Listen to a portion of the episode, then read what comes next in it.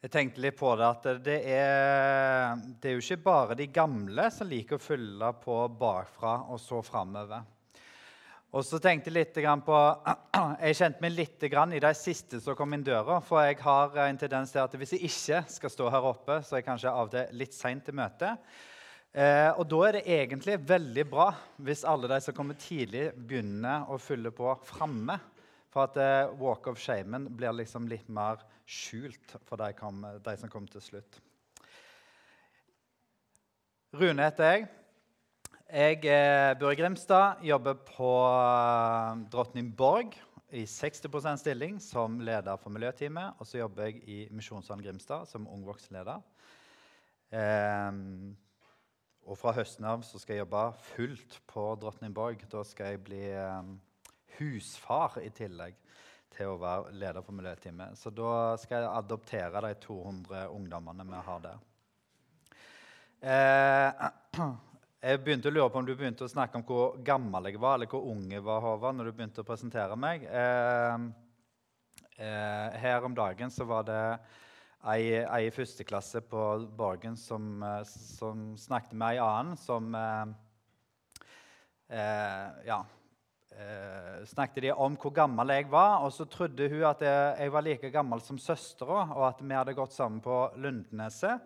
Det er helt sant at jeg har gått på Lundneset, og det hadde søstera òg. Det er bare det at eh, jeg er ikke 24, som hun trodde.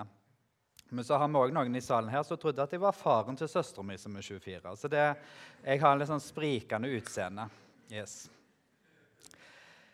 Eh, Jeg har forberedt noe og vet ikke helt hva det blir. Eh, derfor tror jeg vi gir dette over i Guds hender og starter med å be. Gode himmelske Far, takk for at du er den du er. Takk far, for at du ser oss, kjenner oss og elsker oss. Herre, nå ser du eh, hver enkelt som har kommet her i kveld. Du ser eh, hva vi har med i tankene våre.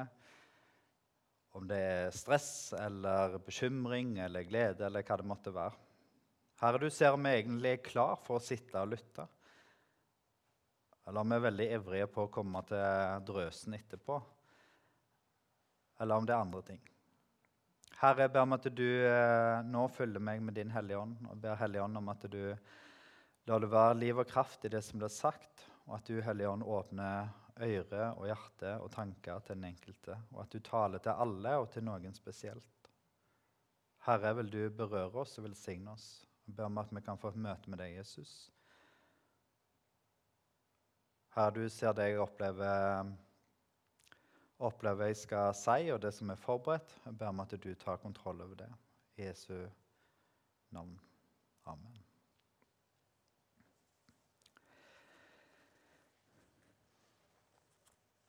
Jeg har satt overskrifta 'Et lengtende hjerte'. Eh, og jeg har lyst til å dra dere med til Gamle Testamentet. Jeg vet ikke hvor ofte dere leser der sjøl. Eh, jeg leser ikke der superofte, eh, det skal jeg innrømme. Og eh, det er enda sjeldnere jeg taler fra Gamle Testamentet. Men der møter vi eh, tidlig en, eh, et navn som, som dere har hørt før, mange av dere. Og det er Josef.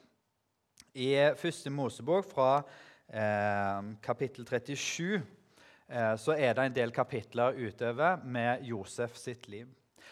Josef han var eh, nummer 11 eh, i en søskenflokk på 12. Eh, og han var en som eh, i ganske ung alder begynte å få drømmer om forskjellige ting. Og Så delte han disse drømmene med brødrene sine, han delte det med foreldrene sine. Eh, og så ble det litt sånn der, Nei, dette må du roe ned. Eh, for han hadde noen drømmer om at det, de skulle bøye seg for han, og at han skulle ha en særlig status. Eh, og stå oppreist overfor dem og være til hjelp for dem osv. Dette ble sett ned på. Det ble sett så mye ned på at brødrene de begynte å ikke bare snakke drit om han, negativt om han, men de eh, begynte å hate han. Jeg vet ikke om det er noe du klarer å sette deg inn i. Eh, mange av dere har søsken. Eh, og mange har gjerne gode relasjoner til sine søsken. Alle har vel opplevd søskenkrangel osv. Og så er det noen som dessverre opplever eh, eh, hvor det blir en sånn konflikt med en bror eller søster hvor det faktisk blir sånn at en ikke er på talefot osv. Men det å hate er ganske kraftig. Brødrene til Josef de hata han. De hata han så mye at de var begynt å snakke om at de skulle drepe han. Og Da begynner vi å snakke om et ganske heftig alvor. De vil drepe Josef fordi han eh, er så høy på seg sjøl. Det er greit nok at noen kan være litt sånn høye på seg sjøl. Det er noen som gjerne må roe drua litt, grann, eh, jekke ned det sjølbildet litt eh, og på en måte trenger noen som justerer litt. Grann. Men, men at vi skal drepe hverandre, det er å gå ganske langt. Men det var det brødrene til Josef tenkte på. Så skjer jo det som eh, skjer. Han, eh, han, blir sendt ut til brødrene som er ute og gjeter. Og så, eh, i den settingen der, så blir han kasta i en brønn. Eh, de vurderer, ja, Da ble det diskutert eh, vekk fra å drepe han, kaste han i en brønn. Og så var det, eh, mens Ruben, eldstemann, var vekke, så selger de han til noen som reiser forbi handelsfolk. Josef han blir sendt til Egypt, ender opp eh, hos eh, Potifar, som er general holdt jeg på å si, for, for, eh, for vaktene til farao. Så det er ganske høyt opp i systemet. Potifar kjøper Josef, og så eh, lever han der som slave. Josef han blir altså som 17-åring solgt av sine brødre. 17 år. Mange av dere gått på internatskole, kanskje, eh, og alle er iallfall forbi 17. Eh, eh, da er en ganske ung. Og det å bare bli revet vekk fra familie på en sånn brutal måte er ganske heftige greier. Der kom han til Potifar, til Egypt. og, og så er han eh, jobber han der og, og, har godt rykte og fungerer greit der. Lever, lever et liv som slave. Og så er det kona til Potifar som syns han er eh, fin å se til og ønsker å ligge med han, ønsker å ha sex med han. Og hun går dag etter dag etter dag og prøver liksom bare ja, men 'Kom og ligg med meg.' Kom og ligg med meg, Josef. Men Josef han står imot. Han har lov til å gjøre hva han vil hos Potifar, men han har ikke lov å røre kona hans. Og Det prøver Josef å holde. Eh, og I ene settingen så prøver hun egentlig å eh, få, altså begå et eh, overgrep på Josef. Men han springer vekk, og så ligger det igjen noen klær. Og Da anklager hun han feilaktig for at det er han som har prøvd å gjøre et overgrep på hun. Så blir han sendt i fengsel eller satt i fengsel, og sitter i fengsel i to år. Og de to åra, to åra det er bare sånn der, i, i, Bibelen så leser vi det er nesten bare sånn der, Han ble satt i fengsel, og så neste vers når, da det var gått to år. Det er ikke helt sant, men, men det er nesten uh, så, sånn det går. For det, det, blir ikke gitt veldig mye oppmerksomhet til det. Han tyder noen drømmer mens han sitter i fangenskap, men han sitter i fangenskap eller i fengsel i to år.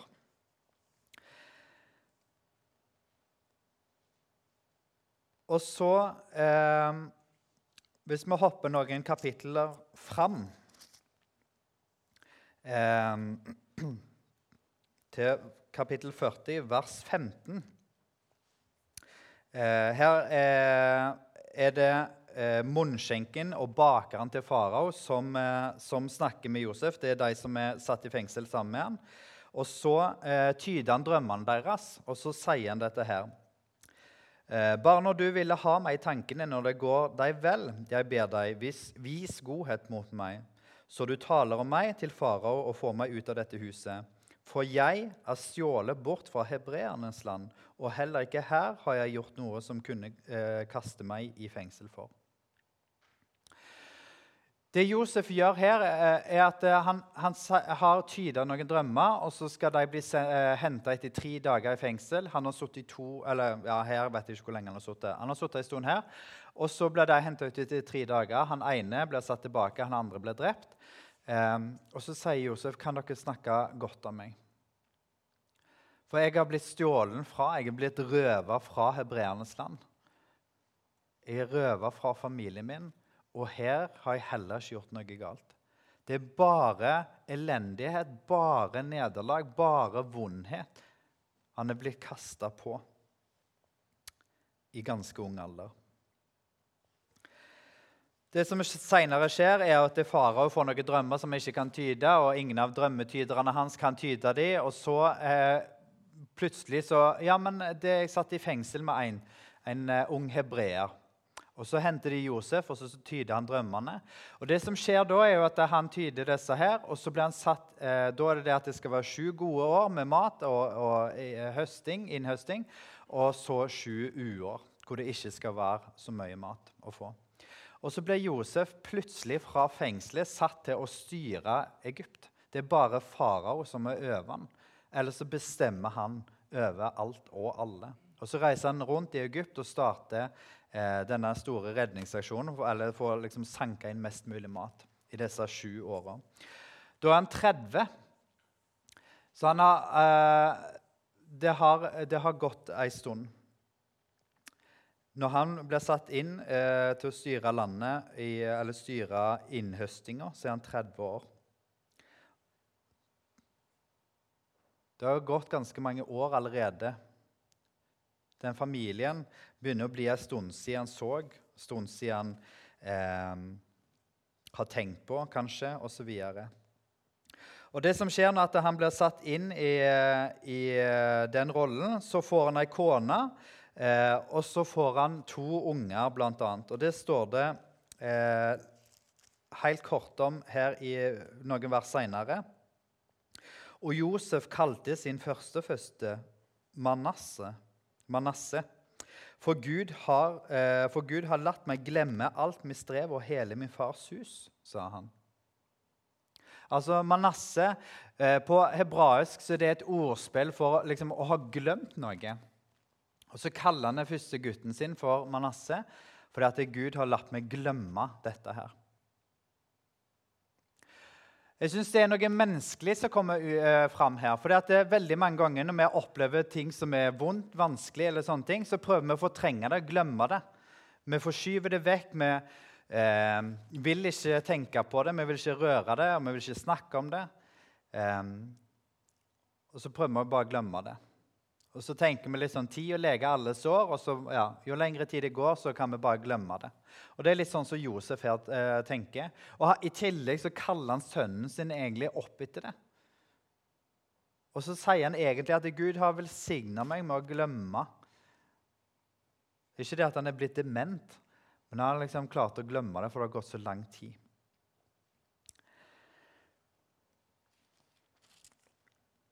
Men hvis vi går litt lenger fram i historien til Josef, så blir alt dette, alle minnene, oppveksten, den brutale eh, situasjonen hvor han blir revet vekk fra familien, hvor han blir solgt av brødrene sine, hvor de river klærne hans og kaster han i en brønn, og så selger de han. Den reisen helt alene, fortvilelsen over hva framtida har han i møte, blir eh, slave, eh, satt i fengsel. Altså Alle så brutale tingene i livet hans. Det går plutselig i revy fordi i, eh, det, når, det har sju, eh, når det har gått um, ni år Da har det vært sju år hvor de, han har regjert, han har kone, unger, de vokser osv. Og, så og så kommer brødrene hans til Egypt. I kapittel 46 43, eh, mener jeg, vers 6. Så kommer det eh, Eller ja, i kapittel 43 så Ja, OK, nå går jeg litt fort her. Brødrene kommer til eh, Egypt, og Josef han kjenner de igjen. Og Josef han bruker tolk, han tar kontakt med de, snakker med de, lurer på hvem de er, eh, viser interesse for de, osv. Eh, og lurer på hvem disse her er. Og så eh, begynner han å deale litt med dem, at de skal få lov å kjøpe mat. og sånne ting. Men i dette her så spør han om familien deres. spør om eh, lever, Har dere mer familie. Lever faren deres? Stiller han spørsmål med. Ja pappa han lever fortsatt. Og så har vi en lillebror, Benjamin, som er hjemme. Jeg er ikke helt skråsikker, men for meg så framstår det som at Benjamin er født etter Josef er solgt. Eh, så det virker som at Benjamin er en ukjent bror for Josef fram til nå. Og så eh, gjør Josef en avtale med brødrene sine. De vet fortsatt ikke at de er søsken. Og Så holder han igjen en av brødrene mot at de skal reise hjem. Og så skal de ta med seg Benjamin tilbake til Egypt. Og når de kom tilbake til Jakob, faren sin, eh, så, eh, så ble han fortvila, dypt fortvila fordi at de har latt en sønn bli igjen, eh, og at de skal ta med seg Benjamin. Det orker han ikke. Og så i 43, 43,6 de svarte, mann spurte oss nøye ut både om oss selv og om slekten vår, og sa, er deres far ennå i live? Har dere noen bror? Og vi svarte på det han spurte om. Kunne, vel, eh, kunne vel vi vite at han ville si, kom her ned med deres bror? Det som skjer er at eh, i, i, løpet av flere kapitler her så drives det en sånn der, eh, samtale mellom Josef og brødrene. De blir sendt hjem. De tar med seg eh, Benjamin. Benjamin kommer ned med brødrene sine. Um, og Så lurer Josef de litt eh, igjen, og så eh, kommer de tilbake. Det er litt sånn att og fram, att og fram. Men det som går igjen flere ganger her, er at Josef stiller de spørsmålet hvordan er helsa til faren deres? Er deres far ennå i live? Lever pappa? Men Josef han snakker jo et annet språk nå, bruker tolk. De har ikke kjent han igjen. De kjenner ikke igjen denne voksne mannen som er kledd som en egypter, ser ut som en egypter og, og, og snakker språket, hele pakka. Men Josef han har et lengtende hjerte til brødrene sine og til faren sin.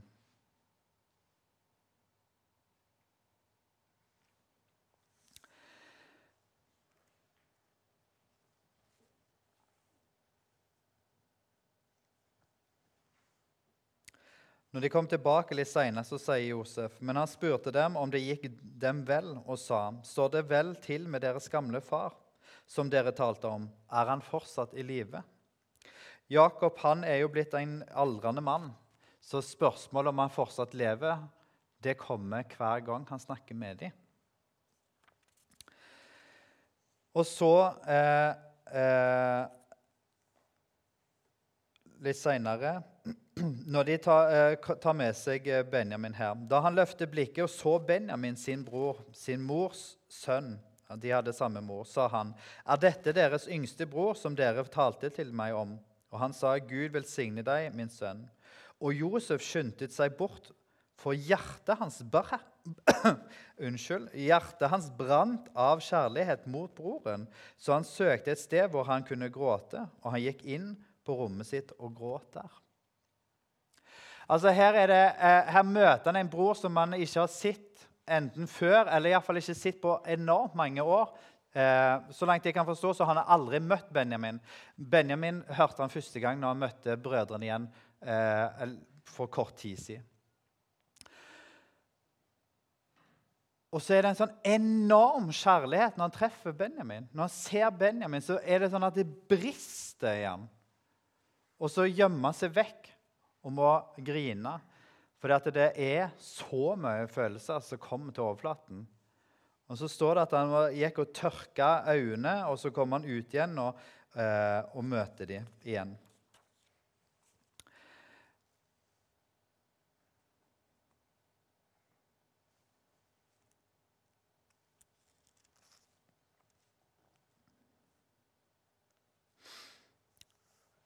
Seinere så har det vært mye att og fram igjen. Så kommer det store. Da klarer ikke Josef å holde igjen.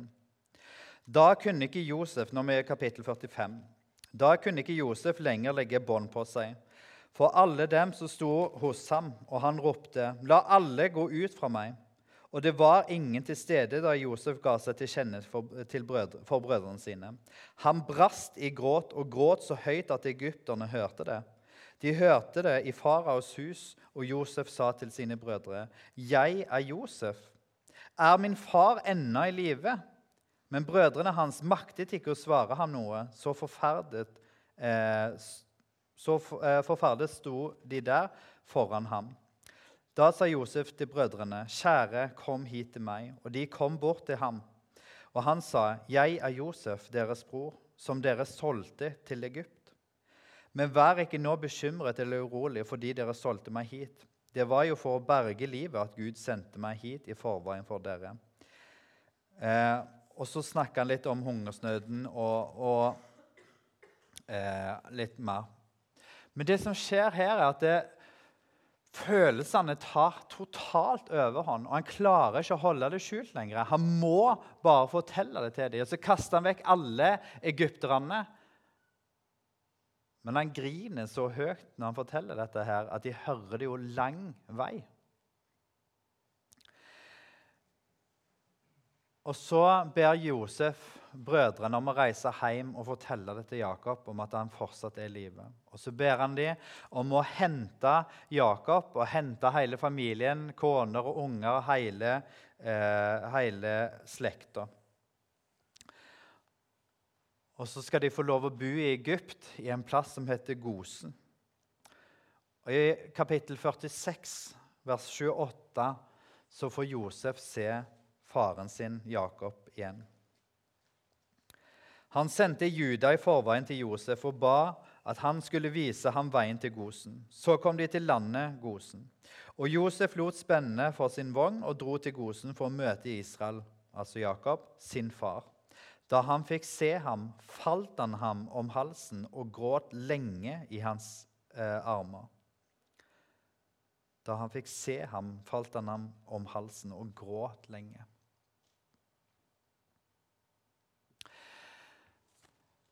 Det er kanskje ikke så vanlig etter hvert når han eh, blir eldre, at han på en måte hulkegriner og hiver seg rundt halsen på noen. Det kan skje eh, tidvis, men det er ikke så vanlig. Men de fleste har gjerne eh, noen sånne minner fra han var liten og slo seg når han skulle lære seg å sykle, eller han datt ned fra et tre, eller hva det måtte være. Og så er det sånn der, en, venter, en, begynner gjerne ikke å begynne å grine med en gang, men liksom når en begynner å nærme seg mamma eller pappa, så vet jeg at nå, nå kan jeg begynne å grine, for nå uh, kan de høre meg, og så kan de ta imot, og så eh, hive seg rundt halsen. Men en sånn smerte som en har som barn, det er jo alvorlig, det, ta, det er greit nok, det. Men her er Josef 39 år. Han har ikke sett Jakob, faren sin, på 22 år. Hvor var du for 22 år siden? 22 år er ganske lenge fra du er 17 til du er 39 og ikke se far, ikke se pappa. Det er sånn enorm lengsel etter å få se pappa. Hvorfor det? Jo, fordi at han ble revet vekk fra far sin. Han ble revet vekk fra familien sin. Han hadde noen sår som aldri kunne fylles. Han prøvde egentlig å kalle første sønnen sin, som nå var sju år kanskje, kalle Manasse. Fordi at Gud har velsigna meg så jeg kan glemme dette. her. Men det som har skjedd i de kapitlene her, er jo at det, det har plutselig kommet fram igjen, alle disse følelsene av at det, jeg savner familien min, og jeg savner foreldrene mine. Jeg savner pappa.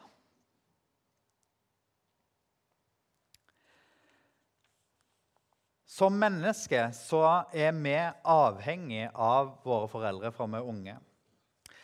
Eh, og som mennesker som er avhengig av å eh, få, noen, eh, få en tilstrekkelig erfaring av at vi er elska, eh, at vi er likt. Eh, vi trenger å kjenne at vi elsker våre foreldre, eh, av søsken og jevnaldrende.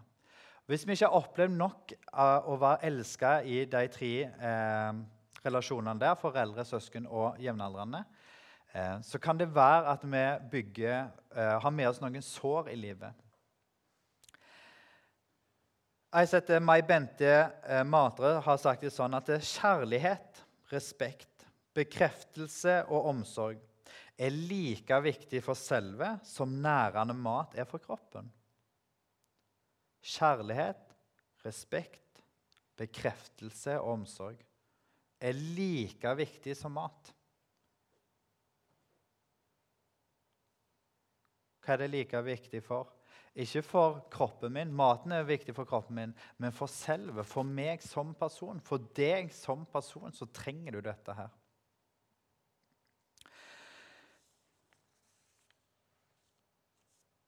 Jeg vet ikke om du har noen sånne lengsler i ditt liv.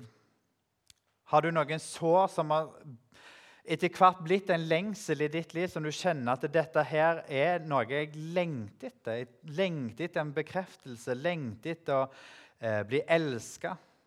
Lengter etter å finne en kjæreste, lengter etter å gifte meg. eller eh, Noen har jo den krisen fryktelig tidlig, eh, unødvendig tidlig.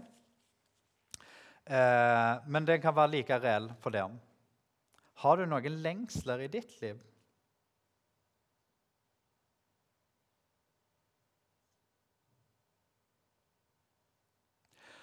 Og har du noen menneskelige lengsler som kanskje gjør at det, relasjonen til Gud egentlig er litt sånn vanskelig? For vi skal jo gi livet vårt til Gud, vi skal jo leve for Han. Men, men så savner jeg egentlig å bli sett.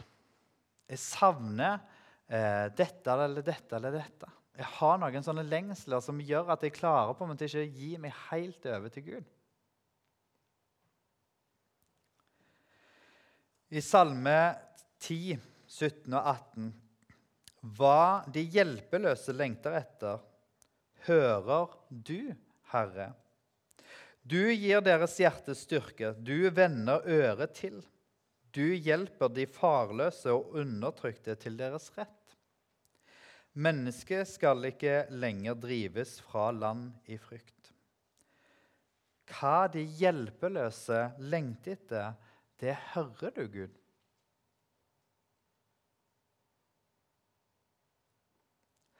Hvordan er det i ditt bønneliv? Klarer du å gi fra deg det som du ber bærer på? Inviterer du Jesus inn i alle deler av livet? Inviterer du Jesus òg inn i lengselen din? Og klarer du å gi det over til ham? Og klarer du å ta med deg at du har en far i himmelen som hører din lengsel, vet om din lengsel. Og så sier salmisten her du hjelper de farløse, altså de som ikke har fedre. Du hjelper de som er undertrykte, du hjelper de som er lidende. Og det her også, I forhold til farløse så er det kanskje De fleste har jo en jordisk far, men eh, noen har gjerne savn etter hvordan far egentlig skulle ha vært. Og så er det kanskje noen som kjenner på et savn til å ha en åndelig far eller åndelig mor. Du hjelper de farløse og undertrykte til deres rett.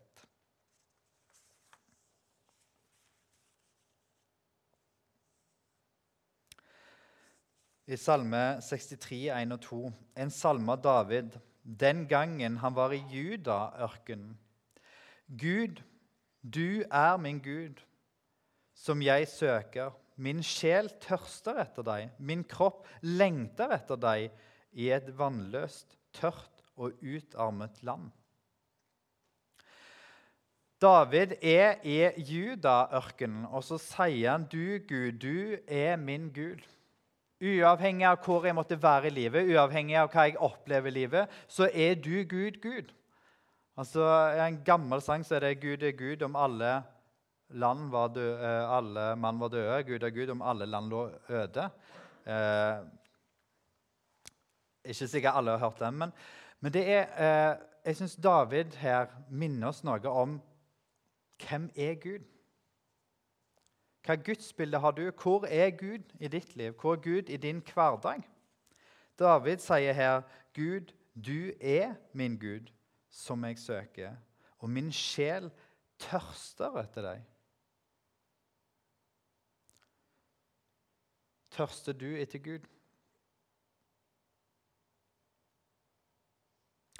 Merkes det i ditt liv at du er Guds barn? Merkes det for din egen del? Lever du et liv med Jesus, eller er det sånn at det er bare på lørdagskvelden du lever med han? Har du en lengsel etter å komme nærmere han, komme dypere inn i relasjonen med Gud? Sånn som Josef her lengta etter å treffe Jakob så tenker jeg at det, det er kanskje en sånn motsatt eh, historie, som vi kan på en måte se et annet, eller se noe av dette lengtende hjertet til å treffe noen. Og Nå skal jeg ikke ta den eh, lignelsen, men i lignelsen om den bortkomne sønn så er det om en lengtende far til en bortkommen sønn. Det er en lengtende far som ser og speider etter den som er bortkommen. Det er en lengtende far til å ha en relasjon. Sønnen ville komme tilbake som slave, men for faren så innsetter han igjen som sønn. Hvor er du i din relasjon til Gud, til Jesus? I Johannes 1, 1, eller i Johannes kapittel 1, også, eh, ja, fra vers 1, så leser vi I begynnelsen var Ordet, og ordet var hos Gud, og ordet var Gud. Han var i begynnelsen hos Gud. Alt er blitt til ved ham, og uten ham er ikke noe blitt til av alt som er blitt til. I ham var liv, og livet var menneskenes lys. Og lyset skinner i mørket, og mørket tok ikke imot det. En mann sto fram, utsendt av Gud. Hans navn var Johannes. Han kom for å vitne. Han skulle vitne om lyset for at alle skulle komme til tro ved ham. Han var ikke i lyset, men han skulle vitne om lyset. Det sanne lys som opplyser hvert menneske, var i ferd med å komme til verden. Han var i verden, og verden var blitt til ved ham, og verden kjente ham ikke. Han kom til sine, sitt eget, og hans egne tok ikke imot ham. Men alle dem som tok imot ham, ga han rett til å bli Guds barn, de som tror på hans navn.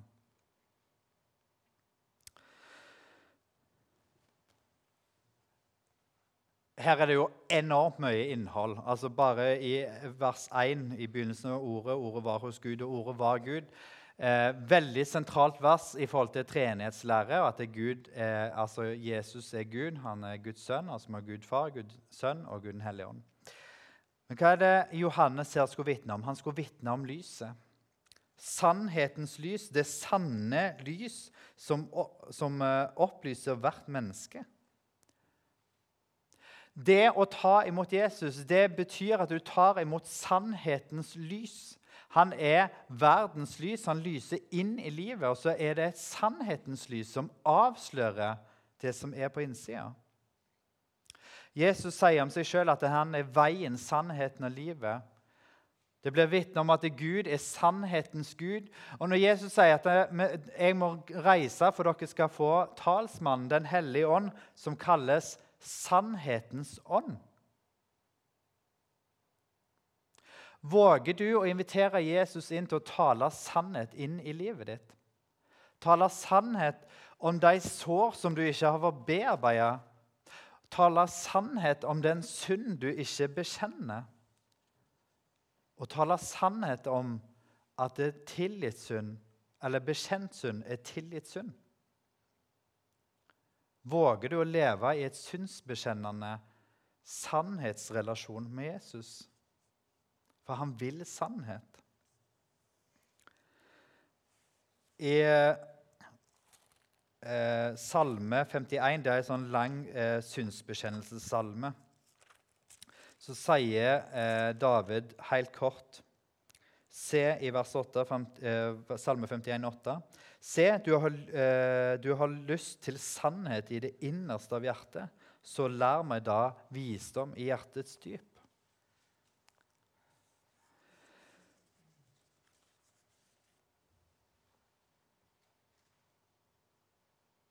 Et lengtende hjerte. Det største lengtende hjertet som fins, er Guds lengtende hjerte til å ha en sann, ekte, nær relasjon til deg. Ikke en sånn halvveis relasjon hvor dere bare snakkes en gang i veka. Ikke en sånn relasjon hvor det bare liksom, Jeg tror på Jesus, men jeg vil ikke være etterfølger av Jesus. Ikke sånn at det, Jesus, du får lov å komme del, inn i deler av livet mitt, men ikke alt av livet mitt. Han som er veien, sannheten og livet, han vil inn i hele livet ditt.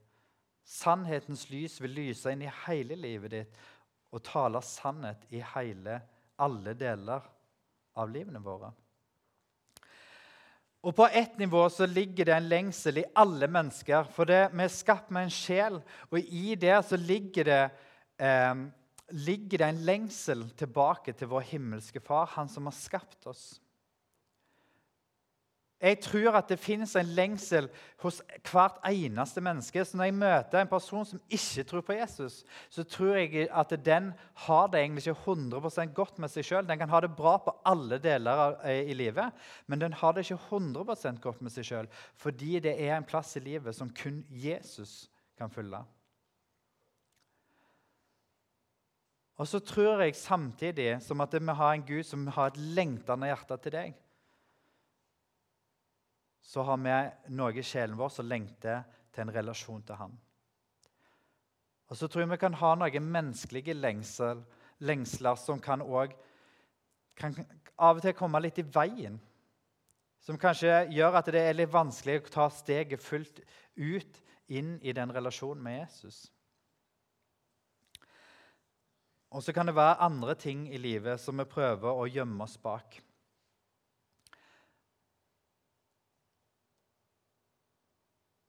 sann, det sanne lys som opplyser hvert menneske, var i ferd med å komme til jorden. Han kom, han levde det livet vi skulle ha levd. og Så døde han på korset, og så opp, gikk inn i døden, sto fra døden og for opp til himmelen. Og så står det Men alle dem som tok imot ham, dem ga han rett til å bli Guds barn. Er du blitt et Guds barn? Og lever du som Guds barn?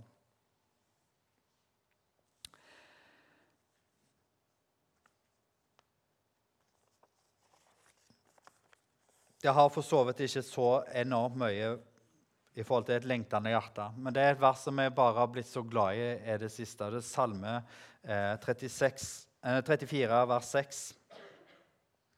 Vend blikket mot ham og strål av glede, så skal dere aldri rødme av skam. Vend blikket mot eh, ham og strål av glede. Har du en sånn en relasjon at du kan løfte blikket mot Jesus og stråle av glede? For realiteten er at den som er blitt et Guds barn, den kan løfte blikket mot han, og den kan stråle av glede uten å rødme av skam. Han tar imot alle våre feil, og han lengter etter å helbrede oss. Han lengter altså helbrede oss som i frelse oss. Han lengter etter en relasjon til oss. Han lengter etter en relasjon til deg. Han lengter etter en sann relasjon til deg. Gode Jesus, takk for at du er den du er. Jesus, nå ser du det som er sagt, og du ser hvordan det falt inn hos den enkelte. Jeg ber Herre, må du gi vekst til det som er sådd, og jeg ber Herre om at det er den som eh, eh, som du ser eh, trenger dette her, at, det, at, du lar det få vokse. Herre, jeg ber om at din sannhet får jobbe i hjertene våre. Herre, la oss få se ditt lengtende hjerte for oss. Herre, hjelp oss som ikke blir noen nek som bare går rundt og later som er kristne. Men la oss leve et ærlig liv i deg, Jesus. Herre, må det bli vår identitet, at vi er dine barn. At vi kan få løfta blikket og stråle av glede uten skam. Herre, vil du tale sannhet inn i våre liv. Tal sannhet om synd, men tal også sannhet om din nåde og tilgivelse. Tal sannhet om usunne bindinger, usunne lengsler. Herre, må du ta imot alt. Herre, legger hver enkelt her i dine hender og ber om din velsignelse i Jesu navn. Amen.